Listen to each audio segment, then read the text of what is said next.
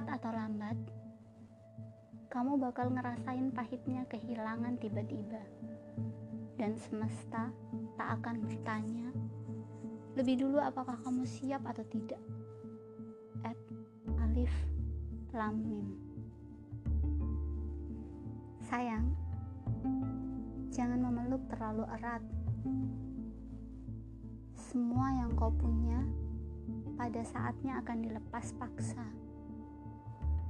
Apa pun dan siapa pun, kita akan menemui kehilangan pada ujungnya.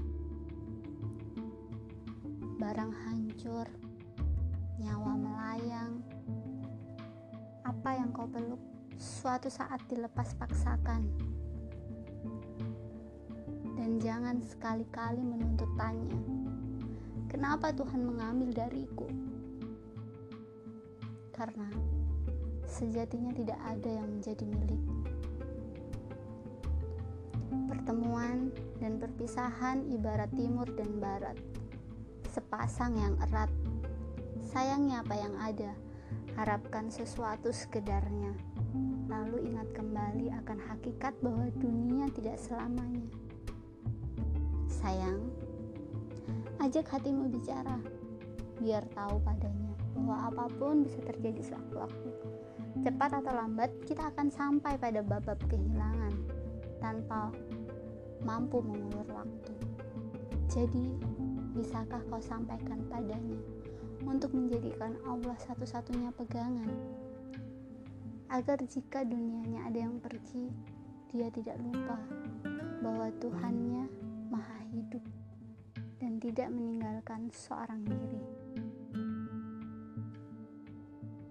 Saat membaca postingan ini, aku merasa merinding sampai ke kepala.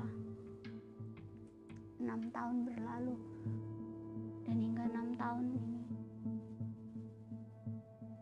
gambaran dua orang tergeletak masih terlihat nyata. Erangan kesakitannya di rumah sakit masih terdengar dengan jelas. Sakit, iya, hancur banget. Dua orang yang sangat penting pergi meninggalkan dalam waktu yang berdekatan.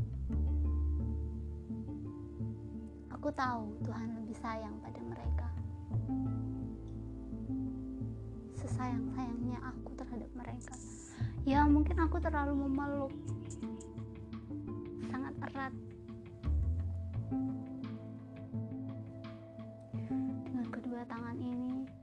di pangkuan ini kumandikan dan kuantarkan mereka sampai ke akhir.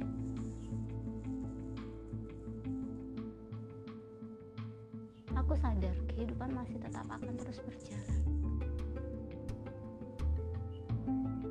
Aku mengutuki diriku sendiri. Mungkin memang semua salahku. Sebagai seorang kakak aku tidak mampu mempertahankan adikku sendiri. Kadang aku berpikir, mungkin kalau aku punya uang, aku memiliki kemampuan finansial, aku bisa mempertahankan dia. Lalu aku pikir lagi, dia mengalami kesakitan selama 20 tahun lebih. Bahkan kepalanya dipegang pun dia merasa sakit. Dia pasti sangat tersiksa. Ya, Tuhan lebih menyayanginya.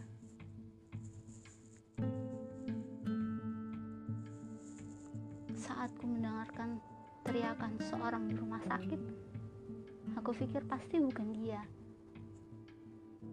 Dan ternyata itu adalah teriakan ayahku, teriakan kesakitan. Dia mengerang kesakitan Dokter berkata, tangan dan kaki kanannya mengalami retak dalam.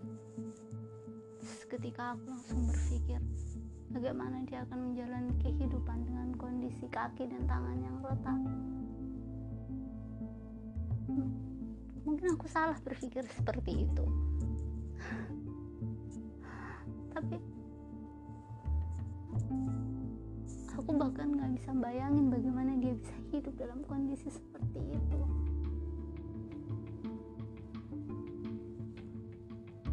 Semua orang berkata aku begitu sangat kuat.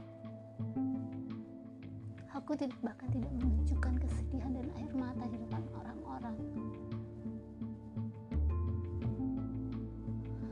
Lantas kalau bukan aku yang kuat siapa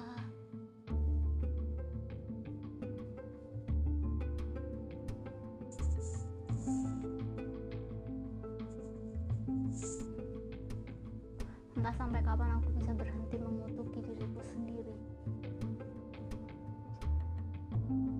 Aku tahu aku harus mempertahankan apa yang ada yang saat ini berada di sekitarku. Tapi bagaimana jika ingatan dan bayangan itu tidak pernah hilang?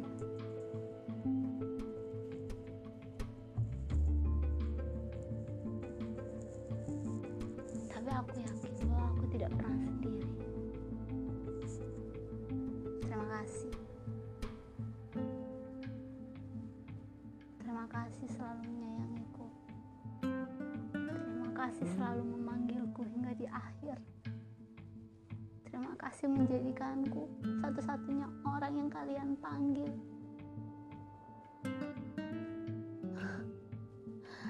Terima kasih menjadikan aku orang yang selalu kalian cari saat kalian merasakan sakit